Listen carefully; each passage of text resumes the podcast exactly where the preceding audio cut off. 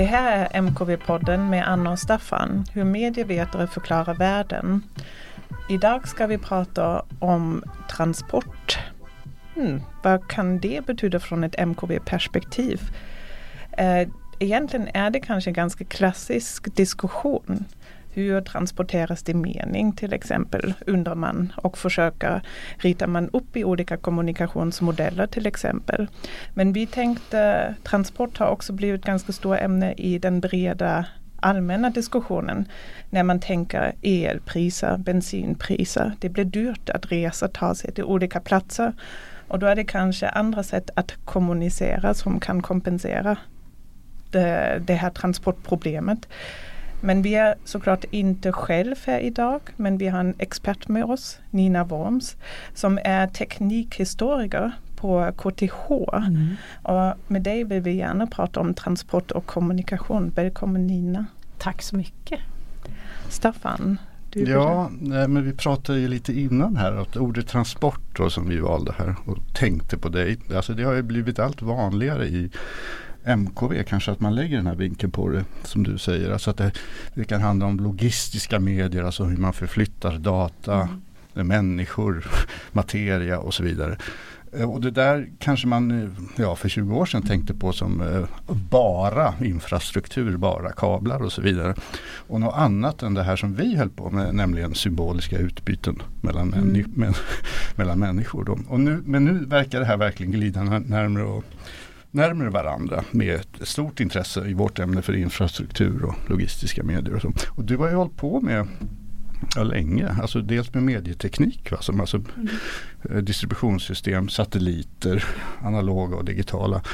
Och sen har du på senare tid forskat mycket om miljö då. Mm, eh, inte minst flygresor och sånt där. Så det låter ju som att du är en person som är lite före oss andra här jag tänker. Hur de här grejerna kan kopplas ihop. Eller. Men alltså du, när du hör ordet transport. Liksom, man, man kan ju tänka Transportstyrelsen. Ja, mm. Då har vi det där. Det, det har ingenting med medier att göra utan det är Nej. vägar och trafik. Men hur tänker du på ordet transport nu? Ja, men det, kanske är det precis som du säger Staffan att när man säger transport då tänker jag kanske också på på Trafikverket och, mm. och SJ. Just nu så är det ganska mycket om hur vi ska flytta på oss. Och om man tänker på utsläpp så är ju transport och mobilitet en sån här stor nöt att knäcka. Hur ska mm. vi verkligen kunna ta oss an det från ett globalt men också ett lokalt svenskt perspektiv.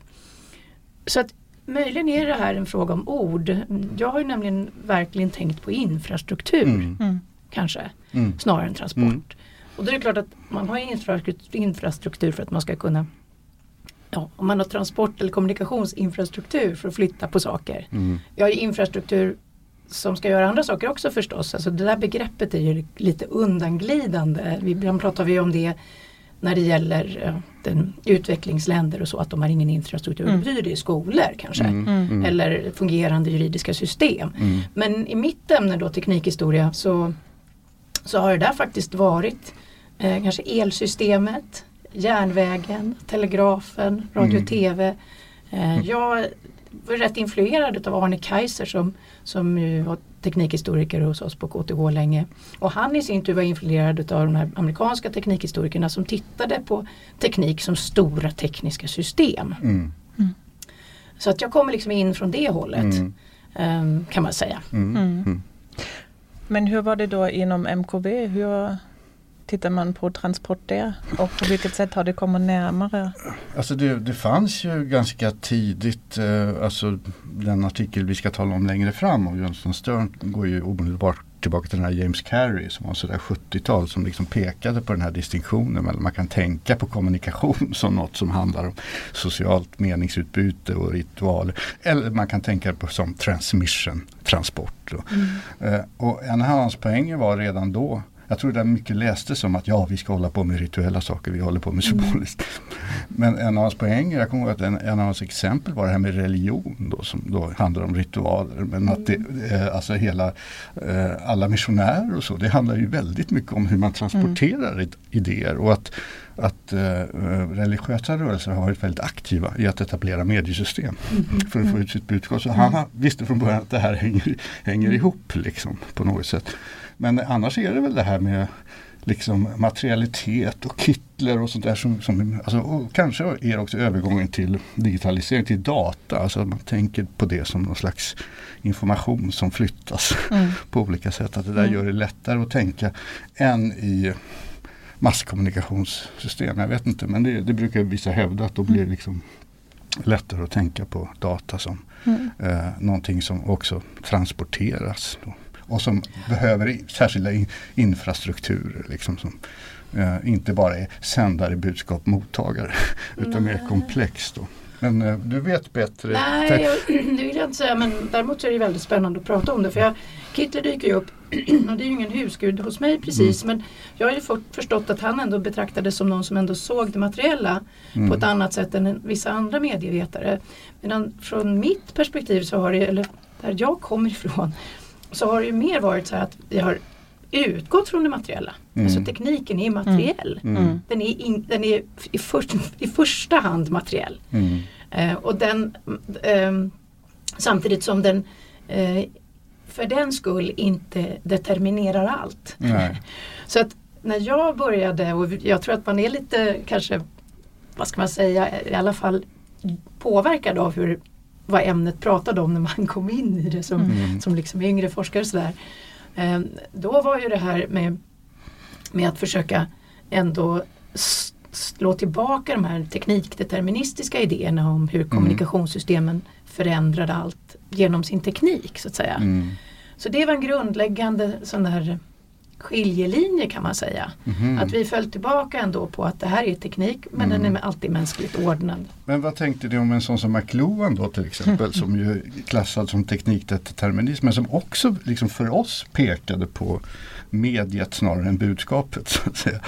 Ja just det, men vi, vi läste kanske inte McLuhan Nej. så himla noga. Men, utan då läste jag istället Susan Douglas. Ja, ja, som, ja. som ju var den som översatte McLuhan eller liksom gick, gick, i diskussion med, med McLuhan. Så hon pratar liksom om social konstruktion av teknik i alla sina. Sen har ju hon lämnat mediesystemet lite och gör mycket mer mm. genus är mer genusintresserad men hon var ju väldigt viktig. Mm, mm, liksom, inte minst när det gäller radio och TV. Mm. Alltså, användning men fortfarande ja. att det är materiellt. Mm.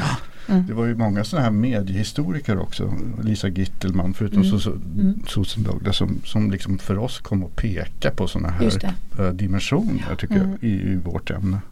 Uh. Nej, men sen var det ju också så att vi är intresserade inte bara då av ett visst mediesystem utan inte minst, och här är det kanske Arne som är, har varit inflytelserik, men hur de här infrastruktursystemen faktiskt samverkar. Mm.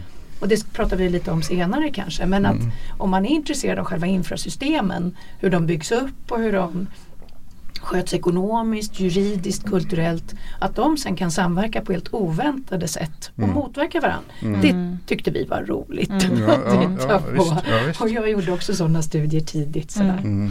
Men apropå studier, Eh, kan, kan, du inte berätta lite mer om klimatprojektet som är så väldigt konkret, eh, handlar om transport, alltså legitimeringsprocesser mm. och klimatfrågan? Det gör jag gärna, det är ett mm. av de mm. roligaste forskningsprojekten som jag varit med i faktiskt. Det var jag och Maria Wollratz Söderberg som är, är retoriker här på, på Södertörn. Vi fick ett anslag från Riksbankens jubileumsfond för att titta på legitimeringsprocesser för att inte handla i klimatfrågan. Mm. För vi tyckte att eh, det var då, redan då så var de här de som verkligen förnekar klimatfrågan ganska studerade. Först så var de ju inte det. I mm. början när vi liksom öppnade den här lådan lite mer. Men sen har fokus på dem blivit ganska stort medan den stora potentialen är förstås alla oss som accepterar mm. vad vetenskapen säger, vi vill göra rätt, vi har en moralisk kompass. Eh, varför lyckas inte vi? Mm. Så då blev det en individstudie.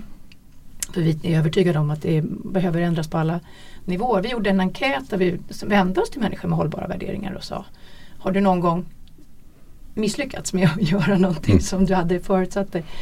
Eh, beskriv det tillfället, eh, berätta för oss hur du kunde leva med dig själv. Alltså hur Mm. argumenterar du för att kunna leva med dig själv? Och så analyserar vi det från ehm, ett topos-perspektiv, alltså vilket perspek- vilken perspektivering hade de? Mm. Mm. Eh, Och det var otroligt roligt och väldigt intressant faktiskt. Mm. Vilka typer av tankestrukturer som kommer upp då. Alltså den, den absolut vanligaste är en sorts ekonomiskt tänkande. Mm. Att man har ett sorts konto. Men jag, är, Mm, det är- jag, jag, jag, är ju, si- jag, cy- jag cyklar till jobbet, jag äter eh, en frukost som består av icke-animalisk föda, jag Mm. återvinner så här. Så jag kan Mm. flyga. Mm. Vilket ju är en intressant tankestruktur på många nivåer. Att Mm. Dels att man jämför olika utsläpp som om de vore en plus och minus fast alla är plus. Men också att det inte finns någon relation mellan proportionerna här. För att flygande släpper ut väldigt, väldigt mycket medan Mm. den, den, den mat eller den återvinningen som man gör den är mycket, mycket mindre. Mm. Men det fanns andra också. Ehm, jämförelse. Otroligt framträdande. Min granne är alla, jag är i alla fall bättre än min granne. Eller Sverige är i alla fall mindre än Kina. Ja. Och Mm. jag är i alla fall bättre idag än jag var för några år Mm. sedan. Och, eh, sådär. och sen fanns det andra sådär som att eh, det är viktigt. Mål, riktiga målkonflikter lyftes ju fram. Men också sådana här idéer om hur vad som begränsar en i vardagen. Eh, jag var tvungen att ta bilen för att. Eller jag hade inte råd. Eller jag hade Mm. inte tid. Mm. Mm. Så att man sitter fast i system. Liksom. Ja. Mm. Och fanns det sådana avvägningar att um, jag är medveten om mitt klimatavtryck men det är ändå viktigare att kunna se en viss plats eller träffa vissa människor, ha direkt kommunikation eller någon, någonting, sådana avvägningar av Ja det fanns sådana och vi kallade väl dem vi analyserade dem som äkta målkonflikter Mm. där man liksom erkände att det här är verkligen ett problem men jag värdesätter det här Mm. mer. Mm. Eh, och då handlade det kanske inte Alltså det fanns ju implicita transporter. En väldigt tydlig som var ju just om man hade sin familj i en annan del av världen och var tvungen att flyga Mm. dit. Eh, då var familjen bättre. Men, men familjen kunde vara viktigare även i mindre, alltså mindre avtrycksfrågor. Som Mm. handlade, med, handlade om bil eller, eller mat eller så. Så det, det som verkligen kom fram här var ju att människor är väldigt sociala. Mm. Är väldigt beroende. Det är, ju ingen för, det är inte förvånande. Mm. Men det kom ut så väldigt direkt. Så jag, jag vill inte ta den konflikten med min, med min svägerska. Alltså min familj är viktigast och sådär. Mm. Mm. Ja. Ehm, Jag antar att ni talar om flygskam och sådana där saker då. Eller, eller talade de ni talade med om, om skam och liksom. Nej, i den där studien, det var jätteintressant. Det Ja. var inte så väldigt mycket flygskam. En annan sak som inte syntes var den här tron på tekniken. Men Mm. det som var otroligt spännande var ju att vi gjorde den här första enkäten då med ungefär 500 svar. För vi skickade ut enkäter. Mm. Eh, Så fick folk fylla i och skriva. Det var ju jättebra för då fick vi ju liksom deras egna ord för det här. Det var inte fördefinierade. Mm. De fick inte välja mellan utan vi analyserade deras eh, kvalitativt deras svar. Men det vanligaste tillfället när folk var tvungna att argumentera med sig själva då för att kom, överkomma den här glipan som blir när man tänker göra något och så gör man något annat. Det var just vid flygande. Mm. Och då fick ju Maria den geniala idén att vi skulle helt vända på kuttingen. Mm. Och så skicka ut istället en enkät till alla som hade slutat flyga av Mm. klimatskäl. Mm. Mm. För det var ju då i Sverige som vi Mm. hade den här stora Mm. diskussionen om Mm. skam och, eh, och tågskryt och så. Mm. Den, och den diskussionen var ju så intressant för den var ju så tydligt medierad i ett landskap som ju lever på, på klick och snabba delningar. Och så här, Mm. Vad ska man sätta för rubriker på människors moral? Och Mm. sådär. Mm. Mm. Och då fick vi ju förstås helt, då, var det en annan fråga. Då var det ju Mm. vad är det som har gjort att du har kunnat ställa om? Mm. Och då, det som var så spännande var ju då att de här trögheterna som vi hade sett i den första studien. Mm. De hade ju de här människorna kom, överkommit. Mm. De hade ju liksom kunnat eh, vända på en del av de här Mm. argumenten. Det första argumentet som att de hade ett konto till exempel som var så vanligt när man inte lyckades. De som faktiskt hade slutat flyga, de visste ju hur mycket flygresorna släppte ut. Mm. De visste hur mycket det globala, de kunde se liksom, klimatfrågan från Mm. ett globalt rättviseperspektiv. Mm. Förstod liksom var Mm. Sverige befann sig i relation till Mm. andra och sådär. De underkände sådana här jämförelser med Kina eftersom Mm. det Mm. inte fungerar så fort man går ner på individnivå. Eller att det, och de kände också till andra saker. Så det mest spännande var ju att det faktiskt i många fall byggde på kunskap då. Mm. De menade att de hade haft latent kunskap men så plötsligt så blev den liksom Mm.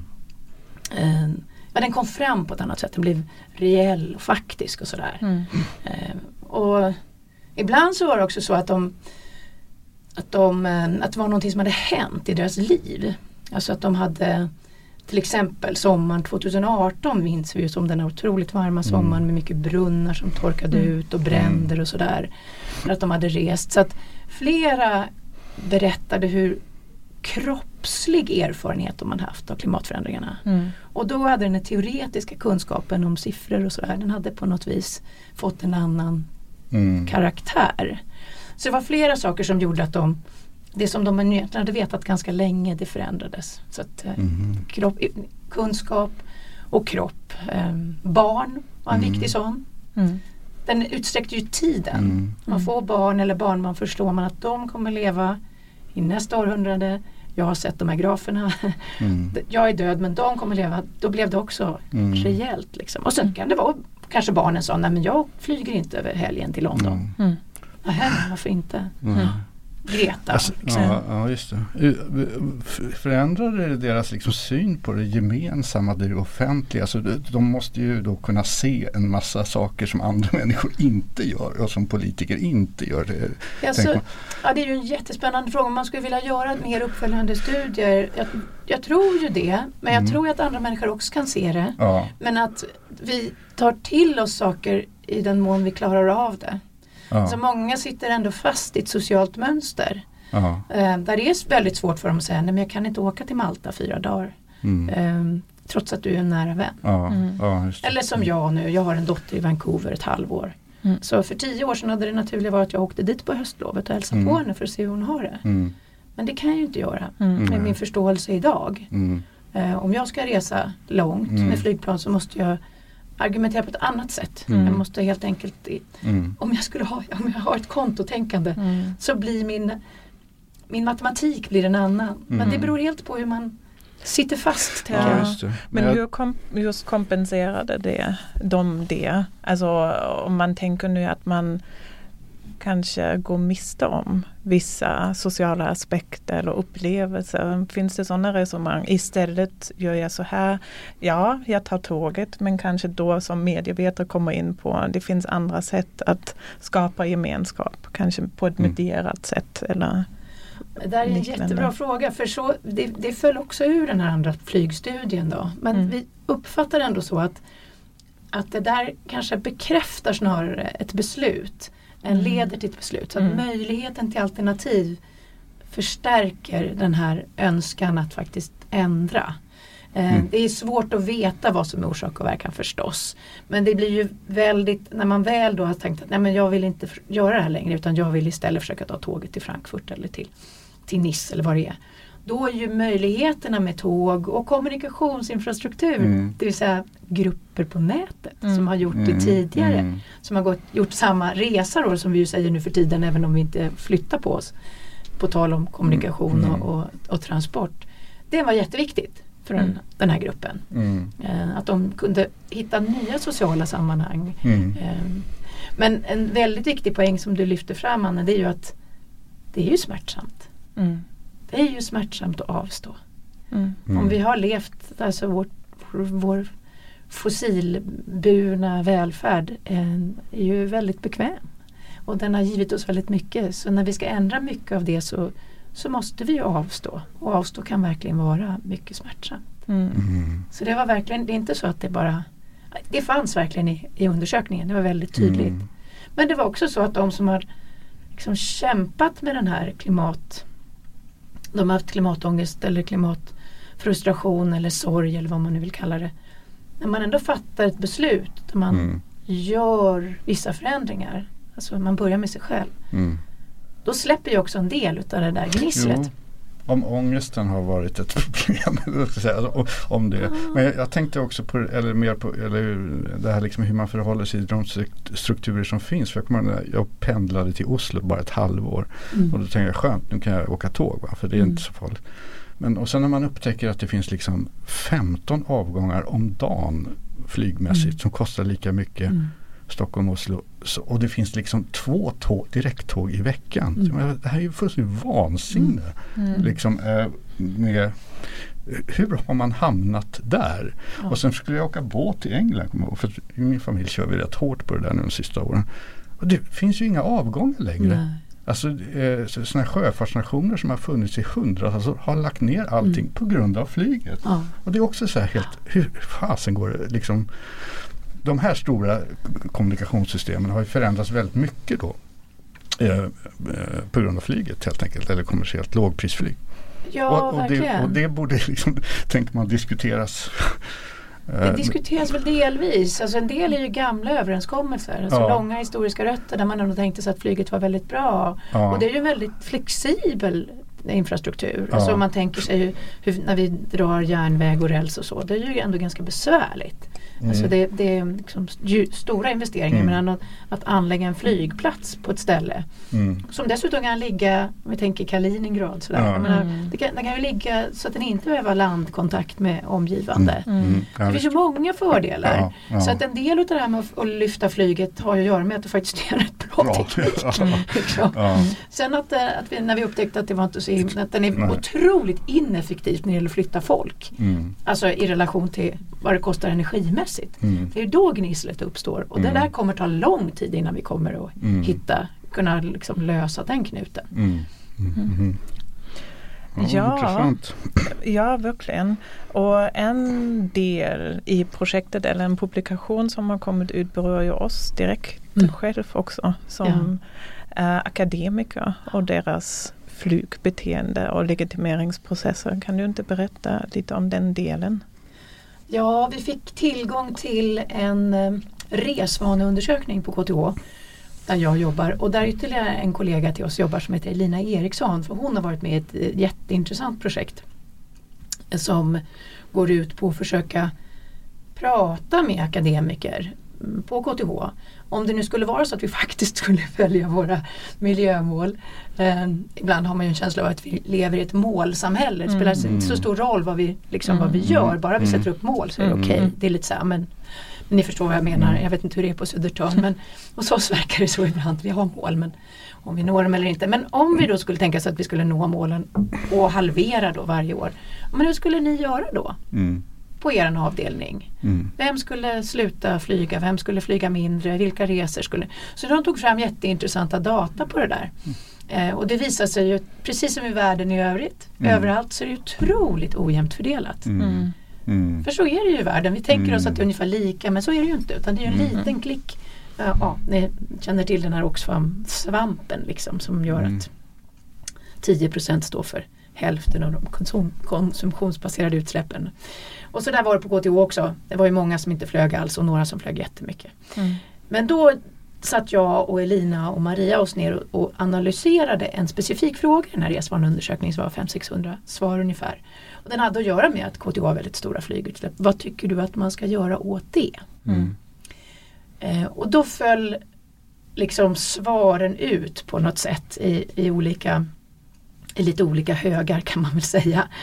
Eh, det ena var ju att eh, ganska många hade liksom förslag på hur man skulle kunna eh, minska flygandet. Sådär. Det var Mm. ganska kreativa förslag som, som liksom var allt ifrån hur man de mest extrema var att man skulle ställa om hela samhället men det var ju också sådana där väldigt, ja man borde få mindre poäng och så, det borde kunna vara ett sorts Mm. Mm. vi är ju räknenissar hos oss så det var liksom ett sorts Mm. sånt sätt så det med incitamentstrukturer. Och sen var det en annan grupp där vi kunde se tydligt att det, det verkligen handlade om sådana här eviga eh, argument om det du var inne på lite tidigare Anna, om, om att det, det, det, är vikt, det jag gör är viktigt, det jag gör är nödvändigt, det jag gör är sant. Så här, liksom Mm. Mm. klassiska eh, goda värden på något vis som man lyfter fram. Eh, och, och i det fallet så var man ju undandrog man sig ju agens på något sätt. Mhm. Därför att det, det, var en, det, det vi håller på med är Mm. exceptionellt som Mm. forskare då. Mm. Mm. Men det som var allra mest spännande var ju det som föll ut och det var att agensen försvann i någon mening. Mm. Alltså att vi, det är som att det ligger utanför. Vi är ju ändå Mm. Högutbildade, tänkande, rika Mm. människor. Så här, men vi Mm. satt ändå fast det på något sätt. Det var Mm. någon annan som skulle ordna med det där. Mm. Ehm, och det här är ju ett framväxande fält. Och ett rätt spännande framväxande Mm. fält. För att det finns ju en del som tyder på att om, om eliten fortsätter, om vi nu tänker oss Mm. att högutbildade människor med mycket pengar tillhör en sorts elit och intellektuell elit i alla fall. Om klimatforskare fortsätter att flyga så undergräver de sitt eget budskap rätt ordentligt. Mm, mm. Mm. Eh, mer än om de inte gör det. Alltså den positiva effekten är liksom Mm. mindre än vad Mm. den negativa effekten är om man Mm. bryter. Men sen måste vi ju alla hjälpa till. Det är också Mm. det. Den, vi kan alla hitta exceptionalistargument. Mm. Mm. Inom industrin finns det ju där också hela tiden. Mm. Lever man i en- liksom en tillväxtparadigm Mm. så då säger ju företag att de också måste åka på, på Mm. möten. Liksom. Mm. Mm. Mm, Så att um, ja, Mm. det var Mm. intressant faktiskt. Ja, precis. Eh, men ska vi gå över till eh, vår favoritrubrik, Vi läser. Och vi har ju också läst en text tillsammans med dig Nina Mm. som ska då få in eh, MKV-perspektivet på transport igen. Staffan, vill du inte säga några ord om själva texten och bakgrunden? Eh, ja, den är väl från tidigt 2000 så den är ganska tidig vad gäller den här, till 2002 eller något sånt där, vad gäller den här tanken. Jonathan Stern som slår mig nu skrev en väldigt intressant avhandling, jättetjock avhandling om eh, hur vi lyssnar på det förflutna. Eh, alltså grammofon och eh, sådana här mikrofon, alla typer av reproduktion av ljud. Så den Mm. var ganska teknisk. Men den hade det här liksom stora perspektivet på, på lyssnande och kommunicerande av mening också. Nej men han tar upp den här frågan om, om alltså om vi kan tänka på kommunikation som antingen transport, Mm. lite infrastruktur eller som det här symboliskt utbyte av mening mellan individer som konverserar med varandra. Mm. Och ofta så tänker vi helt enkelt på, i medieämnet på det, på det senare. Liksom. Mm. Och han försöker väl helt enkelt visa att transport och kommunikation hör ihop. Och ett av hans exempel är då som går tillbaka till tidigare forskning om just eh, järnväg och telegrafi. Att där är det väldigt lätt att tänka att liksom telegrafin står för det här utbytet av tecken och mening. Mm. Järnvägen utbyter eller liksom transporterar kroppar. Så här Mm. sker en slags se- separation då mellan transport, eh, Mm. transport och, och eh, annan form av symbolisk kommunikation. Eh, och det där har många påpekat och han går väl li- lite emot den tanken och säger att i själva verket så, så, så förflyttar de ju mening tillsammans. Alltså, Mm.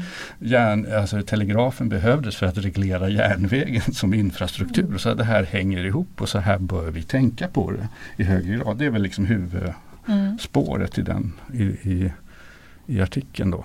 Ja. Ja, det- ja, men jag tänker ju förstås också på sådana andra saker som telegrafen gjorde i relation till järnvägen. För reglering är en sak men det är ju först när den blir det är först när den blir en större infrastruktur som, som sambandet mellan telegraf och järnväg verkligen em, lyfter kan man säga. Alltså vi Mm. får ju nationell tid Mm. Mm. på Mm. grund utav Mm. järnvägen som behöver telegrafen Mm. för att vi ska kunna tidtabeller. Mm. Det är ju en ganska materiell men också existentiell fråga på något sätt. Mm. Så jag har inte tänkt riktigt. Jag, jag får erkänna då att jag inte har läst den här artikeln förut så jag fick lära mig mycket. Men för oss så är det nog mera ehm, att, att de, det är helt enkelt när den här första infrastrukturen blir, växer som sammanvävningen blir intressant. Och det gäller ju även annan sån infrastruktur. Mm. Till exempel som, som el, elektriciteten då. Alltså det går ju att pyssla med om den är små nät och så här. Men det är Mm. först när den blir större nät då måste man kommunicera Mm. Mm. om elnätet Mm. över större liksom, ytor och då måste man också reglera och ekonomisera på andra sätt. Mm. Så då följer det med. Mm. Så för, för, jag, har tänkt, jag har nog inte tänkt den där uppdelningen riktigt som, som då har funnits tidigare på samma sätt faktiskt. Utan jag har nog mer det här infrastrukturella Mm. Perspektivet så det var nyttigt. Och, Ja, nej, men alltså det är väl helt enkelt någonting i vårt ämne. Att telegrafen tänker man på som transport av, me av mening och, eh, och det är någon slags idéhistoria när man, Mm. när man studerar telegrafen. Järnvägen är, är nästan utanför. För, Mm. för det är transport liksom, Mm. av, av kroppar.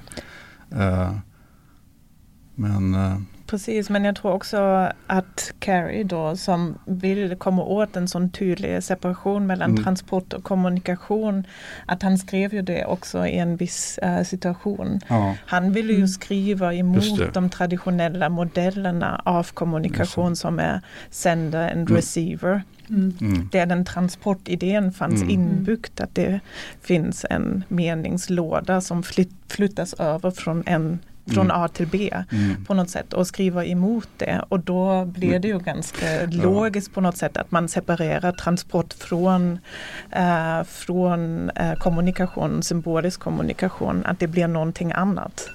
Äh, så. Mm. Om jag skulle översätta kanske till mitt eget, där jag har ju tittat på radio och tv en mm. del och satelliter som vi mm. pratade om lite inledningsvis. Då.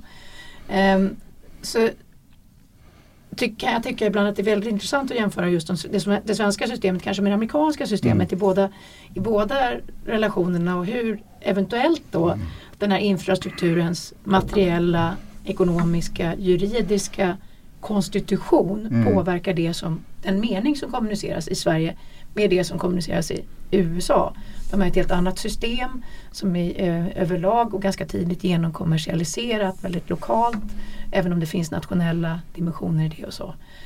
Um, så att um, kanske du sa idéhistoriskt Staffan, mm. det lustiga med teknikhistoria i Sverige är att det kommer från idé och vetenskapshistoria. Mm. Mm. Så vi ligger också väldigt nära föreställningen om tekniken.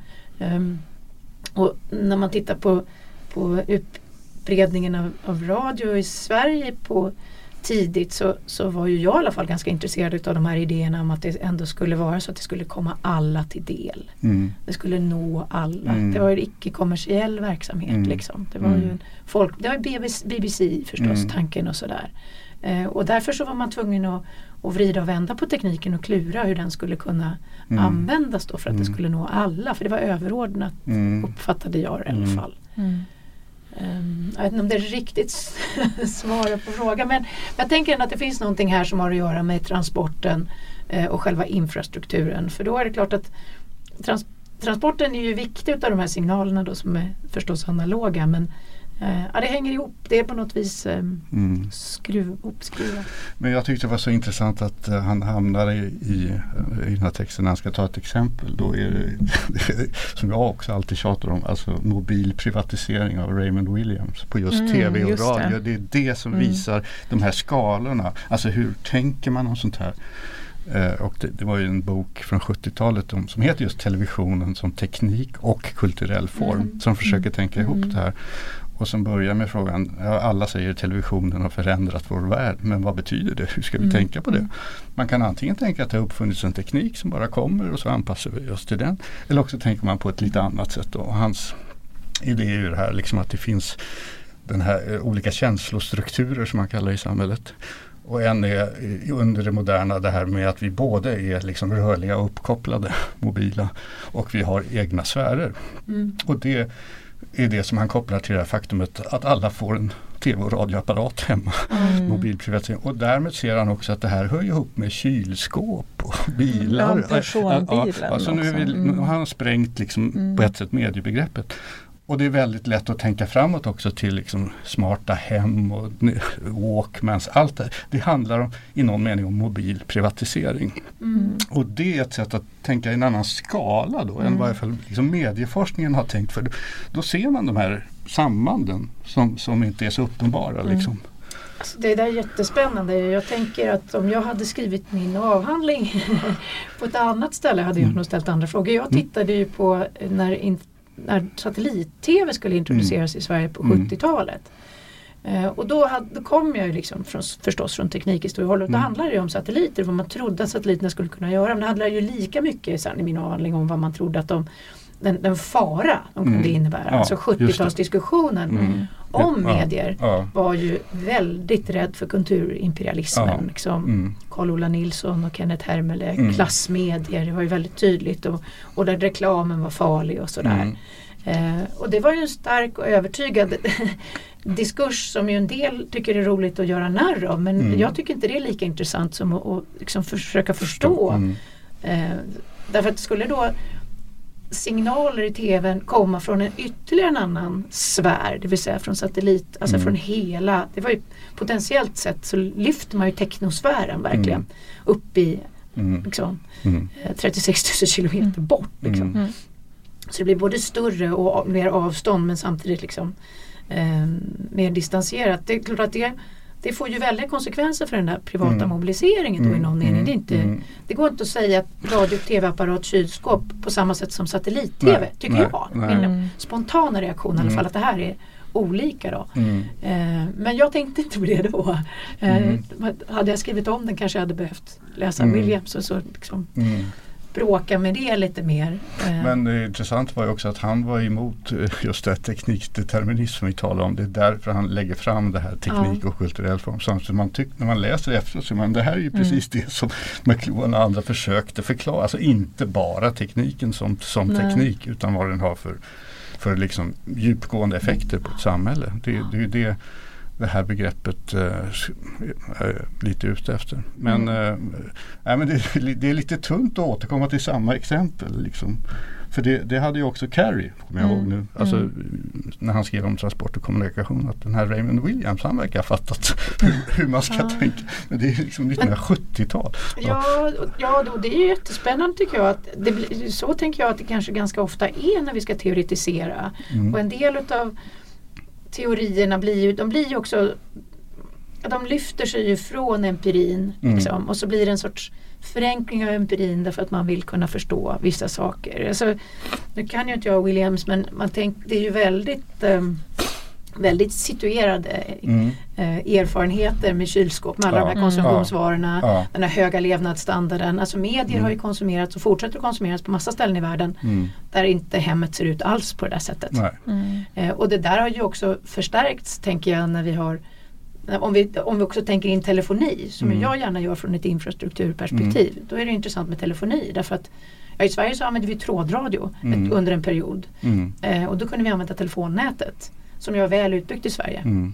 Och det där kan ju fortsätta. Alltså det, det Mm, faktum att vi mm. har, att vi har um, koaxialkablar eller hade i miljonprogramshusen Mm. gjorde att vi sen kunde ha, ha, ha en eh, internetuppkoppling Mm. eh, ganska snabbt. För vi kunde Mm. liksom omvandla, ja, infrastrukturen går att använda på andra sätt och sådär. Så att det, det, det fångar ju inte ett sånt här exempel Nej. som utgår från den amerikanska erfarenheten med Mm. en, en viss typ Mm. av medelklass. Mm. Eh, Men så tror jag att det kan bli ibland. Mm. Att när man hittar liksom Mm. empiriska exempel som, som verkar bekräfta en sorts Mm. föreställning så, så Mm. blir de åter, man, man återbrukar ja, dem. Ja, ja, just det. Mm. Ja, jag förstår. Ja, Mm. ja, men det, men en sak som vi eh, talade om lite innan här, nämligen Anders Ekström. Han, han skrev ju en artikel i söndags om Mm. skalor. Vi Mm. måste tala om skalor. Som, är, Mm. li- alltså, som också på ett sätt handlar om transport faktiskt. Nämligen transport av sediment och grus och vatten och eh, sådana saker. Och hur mänsklig aktivitet nu transporterar de den materian i så mycket högre grad än än, till och med det hade gått upp sedan 1950 med 500 procent. Alltså hur, hur man dämmer upp vatten och hur man gre, gruvdrift. Ja, jag tror Och- man säger att teknosfären nu väger mycket mer, väger mer än biosfären. Ja. Jag tror att det är ett par år sedan det förändrades Ja. då. Så Mm. den mänskliga påverkan i, liksom i kilo Mm. Ja. på jorden är större än det levande som finns då. Så det, är ju helt, det, är ju ska, det är ju helt enkelt en skala som är obegriplig Ja. för oss. Men- men det är som- ju som ja. antropocen Ja, överlag, alltså ja. människans tidsålder. Det är faktiskt Ja. svårt för oss att ta in. Ja, För men- vi har hela tiden tänkt att globen är oändlig. Ja. Men han hade också ett sånt där exempel, klassiskt exempel med som var talande som var Rachel Carson på slutet. Alltså när hon börjar om, klaga på DDT så är det ju för att vi, vi vet inte vad som kommer att hända med arvsmassan Mm. hos fåglarna och, Mm. flera generationer. Och det är det som är problemet. Liksom, Ja. Att vi är blinda för den skalan. Eller Mm. vi vet ingenting om den skalan helt enkelt. Eh, och, och det var så han argumenterade för att vi måste tala om, Ja, om, om, skalor, och om vilka skalor vi Absolut, använder. och det är ju ett, om man ska koppla tillbaka då till, till kommunikations och, och infrastrukturer så är det någonting som vi inte vet är ju vad som händer med AI Mm. Och, och lärande maskiner. Nej. Alltså om man, vi, vi vet faktiskt inte riktigt och en, det, även de smartaste verkar inte alltid kunna förklara vad det är som händer när, Nej. de, när de lär sig på stora datamängder. Vad man förstår är ju att de, de reproducerar våra fördomar och, och vår ojämlikhet och sådär Mm. därför att den finns ju i data så Mm. att säga. Mm. Mm. Men vad det, vad det får för konsekvenser, där får vi se fram emot forskning som du ska göra Anna. Men, Mm. men alltså det finns ganska mycket oförutsett Mm. eh, som vi står Mm. inför med Mm. den, de här förändringarna på den här enorma skalan. Mm. Precis, samtidigt som det också känns att horisonten blir lite snävare, smalare på något sätt. Alltså även om vi inte vet, det mm. blir en stor ovisshet med, om framtiden. Men om vi tänker också klimatförändringar och så vidare, det blir ju eh, en mindre horisont av mm. möjligheter kanske i framtiden också. Mm. Nu slutar vi väldigt mörkt här. För jag ja. känner det. vi är på väg. Ja. ja. men jag tycker frågan om tid är väldigt spännande förstås. Mm. För i mm. klimatdiskussionen så finns det ju sådana olika horisonter eller olika liksom, tidsperspektiv som mm. vi har som, som vi kanske måste försöka överbrygga. Och Anders har ju hållit på med en del med sånt. Jag var med i en, en antologi som han redigerade för några år sedan att vi, det finns ett nytt intresse för tid mm. inom historikerskrået, mm. brett förstått så att mm. säga. Eh, mm. och de här, man kan tänka att de här delvis kanske synkroniseras men också mm. att vi försöker lyfta oss lite från de allra närmaste planeringshorisonterna. Eh, för att se lite längre och på det personliga planet så är det klart att när man tänker på sina förfäder och tänker på sina barn och barnbarn då är det ett sätt att göra tiden mer kroppslig, att förstå mm. den mer i mm. relation till den egna mm. fortlevnaden och sånt. Mm. Och alla de här olika sakerna måste vi på något vis ändå få upp på bordet tror jag. Mm. Men det är också därför det är så intressant att titta på historiska, alltså tidigare exempel som att till exempel kring TV. vad hände i den här situationen mm. när man inte heller kunde förutse? Mm. Det uppstod en massa rädslor som kom att styra eh, om, om imperialism och, och, och så vidare. Så, men hur gick det igen? Alltså, vad hände sen? Liksom att man, man, kan, man kan göra för vissa sådana här paralleller. Mm. Alltså tv hade ju kunnat bli något helt annorlunda rent tekniskt om jag förstår saken. Alltså man hade ju kunnat ha både point to point och alltså så på 30-talet så, så fanns mm. det sådana här spekulationer. Och att just man, att befolkningen, folket skulle gå och titta i offentliga lokaler i London och planera 200 sådana här, liksom, nu går de och tittar på TV. Ja. Eh, eh, Istället kom det hem. ja, och samma med, med telefon. Ja, så man ja, hade telefonkonserter från början. Liksom. Då var det inte heller punkt nej, punkt. Och nej, det var inte en, första var ju att det skulle, man skulle ha det för att kunna lägga beställningar bland alla handelsmän. Och så blev det en väldigt social teknik som vi, mm. där vi talar om, ska du hämta på dagis eller ska jag? Och så. Mm. Så att, annan ja. typ av utbyten. Ja, nej, men det är väl viktigt att historien ja. kan visa oss att det hade kunnat vara annorlunda. Det hade det kunnat varit annorlunda. Och det kan bli annorlunda igen. Det är väl ja. också det som är det viktiga. Ja. Och när vi nu står inför ganska många, ibland då håller jag med dig om dystra förut, när, när det visar sig att en del av de här algoritmerna gör saker i en kommersiellt kontext som går emot demokrati och andra värden som vi faktiskt sätter väldigt högt. Då, mm. Ja, det kan vara annorlunda. Låt oss mm. fundera på det. Det är väl en fin slutsats som var... vi hamnar i. Mm. Men vi är inte riktigt klart än. Vi avslutar alltid med en fråga. Nina, om du skulle välja låt som beskriver vår diskussion idag, vilken låt skulle du välja då? Oj. Ja, det var ju en otroligt svår fråga. Men um, efter moget övervägande så tar jag nog ändå David Bowie och Space Oddity. För att det är ju för det första så är det en väldigt bra låt. Men för det andra så är det ju en låt som både ifrågasätter och kanske i någon mening hyllar den här rymdfärden som ju på ett väldigt eh, kanske inte tydligt men i alla fall fundamentalt sätt smälter ihop transport och mening. När vi kan åka till månen så är ju det en sorts ny existentiell erfarenhet av mänskligheten som han ju lite driver med då på sitt underbara outspacade sätt. Så att jag, jag väljer den. Tack Nina. Tack att du var med. Tack. Tack så mycket.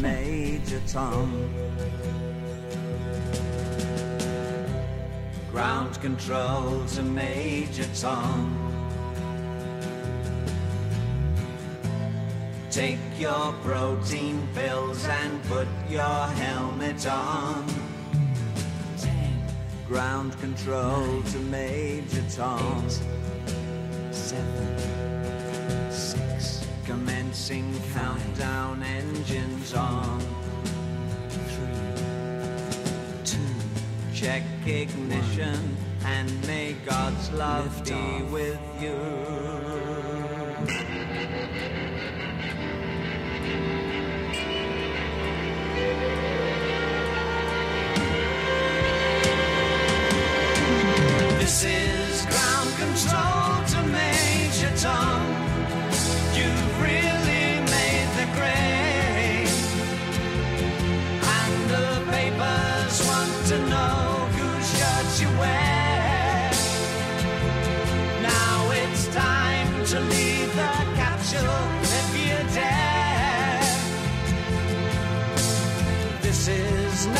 Your to ground control. I'm stepping through the door. And I'm floating in most peculiar way. And the stars look